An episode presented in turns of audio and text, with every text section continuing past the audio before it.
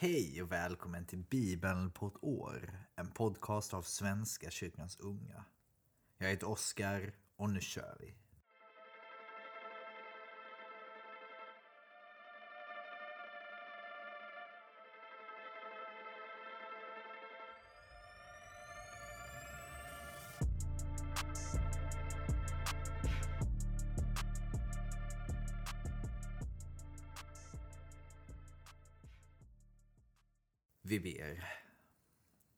Gud för denna tisdag.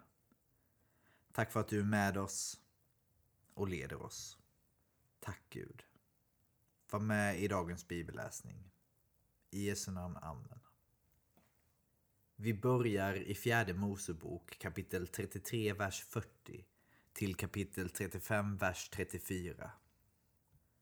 Kananéerna, kungen av Arad som bodde i Negev i Kanan fick höra att israeliterna närmade sig. De bröt upp från berget Hor och slog läger i Salmona. De bröt upp från Salmona och slog läger i Ponon. De bröt upp från Ponon och slog läger i Ovot. De bröt upp från Ovot och slog läger i Ishe Havarim vid gränsen till Moab. De bröt upp från Ishim och slog läger i Divon Gad. De bröt upp från Divon Gad och slog läger i Almon Divlataima. De bröt upp från Almon Divlataima och slog läger i Avarimbergen vid Nebo. De bröt upp från Avarimbergen och slog läger på Moabs hedar vid Jordan, mittemot Jeriko. De slog läger vid Jordan mellan Bet Hashimot och Avel Hashitim på Moabs hedar. Herren talade till Mose på Moabs hedar vid Jordan, mittemot Jeriko. Tala så till israeliterna. När ni går över Jordan och kommer in i kanan ska ni fördriva dem som bor i landet och förstöra alla deras avgudabilder. Alla deras gjutna bilder ska ni förstöra och alla deras offerplatser ska ni ödelägga. Sedan ska ni ta landet i besittning och bosätta er där, ty ni har fått det av mig som er besittning. Ni ska fördela landet genom lottning, släkt för släkt. Åt den släkt som har mycket folk ska ni ge en stor andel, åt den som har litet en liten. Var och en ska få sin del där lotten faller ut. Ni ska göra fördelningen efter era fädernestammar. Men om ni inte fördriver landets invånare, då kommer de som ni lämnar kvar att bli taggar i era ögon och pikar i era kroppar. De ska anfalla er i det land där ni bor och jag ska göra med er som jag hade tänkt göra med dem. Herren talade till Mose. Ge israeliterna följande påbud. När ni kommer in i landet, in i kanan, är detta det land som ska bli er egendom. Detta är gränserna för kanans land. I söder gränsar ert land mot Sinöknen, längs med Edom. Er sydgräns ska från öster räknat gå från änden av Döda havet och sedan böja av söder om Akrabimbranten, gå förbi Sin och löpa ut söder om Kadesh Barnea. Därifrån ska den gå till Hazar Adar och förbi Asmon. Efter Asmon ska den böja av mot Egyptens gränsflod och löpa ut vid havet. I väster ska Medelhavet vara er gräns. Detta ska vara er västgräns. Detta ska vara er nordgräns. Från Medelhavet ska ni dra den fram till berget Hor. Från berget Hor ska ni dra den fram till Levo Hamat och den ska löpa ut vid Sedad. Därifrån ska den gå till Sifron och löpa ut vid Hazar Enan. Detta ska vara er nordgräns. Östgränsen ska ni dra från Hazar Enan fram till Shefam. Från Shefam ska den gå vidare ner till Rivla, öster om Ain. Gränsen ska fortsätta neråt och löpa längs bergsluttningen på Genesaretsjöns östra sida. Därifrån ska den fortsätta ner till Jordan och löpa ut vid Döda havet. Detta är gränserna runt ert land. Mose gav israeliterna följande påbud. Detta är det land som ni ska fördela genom lottning. Det land som enligt Herrens befallning ska ges åt nio stammar och den halva stammen. Rubeniternas stam med dess familjer och gaditernas stam med dess familjer, liksom halva Manasses stam, har redan fått sin egendom. Dessa två stammar och denna halva stam har alltså fått sin egendom på andra sidan Jordan, mittemot Jeriko, på östra sidan om floden. Herren talade till Mose. Detta är namnen på de män som ska fördela landet mellan er. Prästen Elazar och Josua, Nons son. Ni ska också låta en hövding ur varje stam delta vid fördelningen. Detta är namnen på de männen. Från Judas stam, Kalev, Jefones son. Från Simons stam, Samuel, Amihuds son. Från Benjamins stam, Elidad, Kislons son. Från Dans stam, hövdingen Boki, Joglis son. Från Josefs söner, dels hövdingen Haniel, Efods son. Från Manasses stam, dels hövdingen Kemuel, Shiftans son. Från Efraims stam. Från Sebulons stam, hövdingen Elisafan, Parnaks son. Från Isaskars stam, hövdingen Paltiel, Assans son. Från Ashers stam, hövdingen Achihud, Shelomis son. Och från Naftalis stam, hövdingen Pedahel, Amihuds son. Detta var de som enligt Herrens befallning skulle fördela israeliternas egendom i Kanaan. Herren talade till Mose på Moabs hedar vid Jordan, mittemot Jeriko. Befall israeliterna att av den egendom som de har tilldelats avskilja städer åt leviterna att bo i. Ni ska också ge leviterna betesmark kring städerna. De ska bo i städerna och använda betesmarkerna för den boskap de äger. För alla sina djur. Betesmarkerna som ni ger åt leviterna ska åt alla håll sträcka sig tusen alnar utåt från stadsmuren. Utanför staden ska ni mäta upp östsidan av betesmarken till 2000 alnar, sydsidan till 2000 alnar, västsidan till 2000 och nordsidan till 2000 med staden i mitten. Detta är betesmarkerna som leviterna ska få kring sina städer. De städer som ni ska avskilja åt leviterna innefattar de sex asylstäderna till vilka ni ska låta dråpare få ta sin tillflykt. Förutom dessa ska ni ge dem ytterligare 42 städer. Sammanlagt blir det alltså 48 städer med tillhörande betesmarker som ni ska ge åt leviterna. När ni tar dessa städer från israeliternas egendom ska ni ta mycket från dem som har mycket och lite från dem som har lite. Varje stam ska ge av sina städer åt leviterna i förhållande till det område som stammen har fått som sin egendom. Herren talade till Mose. Säg till israeliterna, när ni går över Jordan och kommer in i kanan ska ni välja ut städer som ska vara era asylstäder. Dit ska en dråpare kunna fly om han har dödat en människa utan uppsåt. Städerna ska tjäna som tillflyktsorter undan blodshämnaren så att dråparen inte blir dödad utan kan ställas inför menighetens domstol. Av de städer ni avskiljer är det sex som ska vara era asylstäder. Tre städer ska ni avskilja öster om Jordan och tre städer i Kanan. De ska vara asylstäder. Både israeliterna och invandrare eller tillfälligt bosatta bland folket ska ha dessa sex städer till asylplatser. Dit ska var och en som har dödat en människa utan uppsåt kunna fly. Men om någon slår en annan med ett järnföremål så att döden följer, då är han en mördare. Och en mördare ska straffas med döden.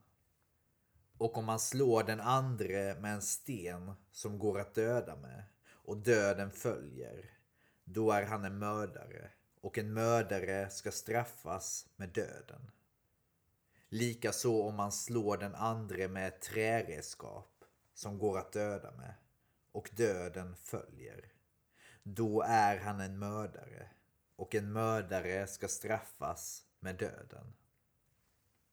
Det är blodshämnaren som ska döda mördaren. När han stöter på mördaren ska han döda honom. Och om någon knuffar omkull en annan i ond avsikt eller kastar något på honom med ond vilja så att döden följer eller står till honom i fientlig avsikt så att döden följer då ska han straffas med döden. Han är en mördare. Blodshämnaren ska döda mördaren när han stöter på honom. Men om någon råkar knuffa omkull en annan utan fientlig avsikt eller om man utan ond vilja kastar något föremål på den andre eller om man utan att se sig för träffar den andre med en sten som går att döda med och döden följer. Och detta fast han inte var den andres fiende eller ville honom något ont. Då ska menigheten döma mellan gärningsmannen och blodshämnaren enligt här givna föreskrifter.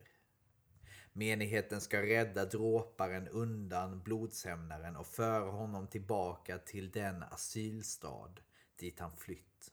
Där ska han bo tills översteprästen avlider, han som är smord med helig olja. Om dråparen lämnar området kring den asylstad dit han flytt och blodshämnaren träffar på honom utanför asylstadens område.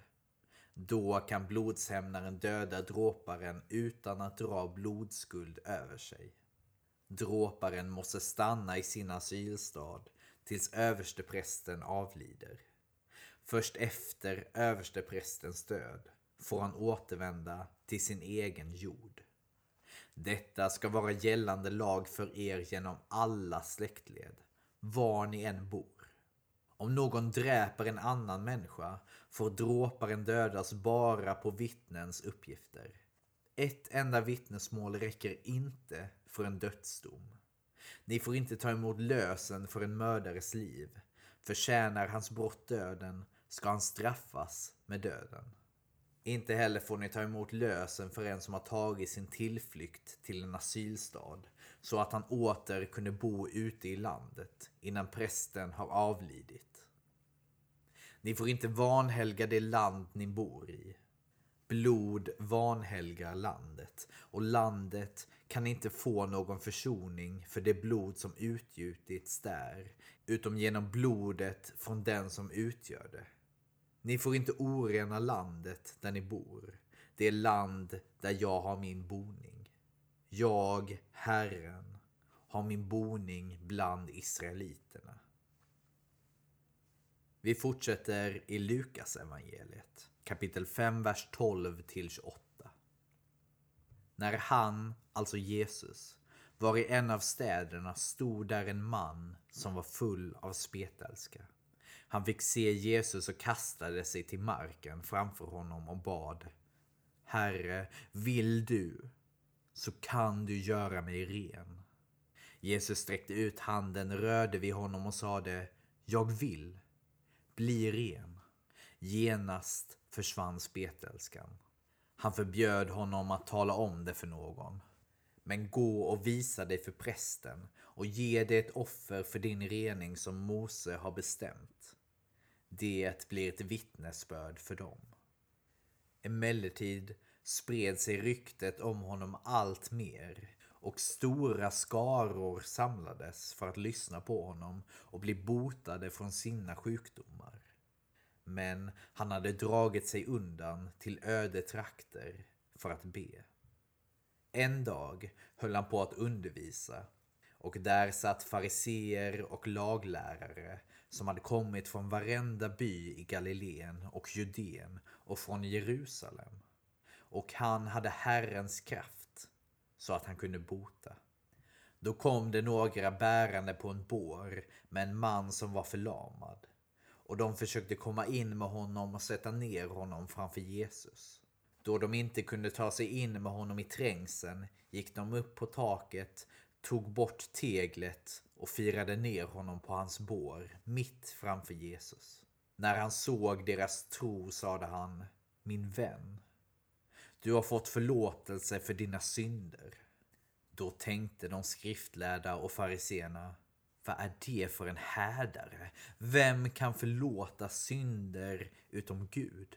Men Jesus förstod vad de hade för tankar och sade till dem, vad är det ni tänker i era hjärtan? Vilket är lättast? Att säga du har fått förlåtelse för dina synder eller att säga stig upp och gå. Men för att ni ska veta att Människosonen har makt här på jorden att förlåta synder säger jag dig. Och nu talade han till den lame. Stig upp, ta din bår och gå hem. Genast reste han sig mitt för ögonen på dem, tog båren han hade legat på och gick hem. Allt medan han prisade Gud. Alla slogs av häpnad och prisade Gud och de fylldes av fruktan och sade Det är otroligt det vi har sett idag. Sedan gick Jesus därifrån och fick då se en tullindrivare vid namn Levi sitta framför tullhuset. Han sade till honom Följ mig. Levi lämnade allt och steg upp och följde honom. Vi fortsätter med psalm 65. För körledaren, en psalm av David. En sång. Lovsång tillkommer dig, o Gud, på Sion. Vi infriar våra löften till dig, du som hör bön. Till dig kommer alla människor för att bekänna sina synder.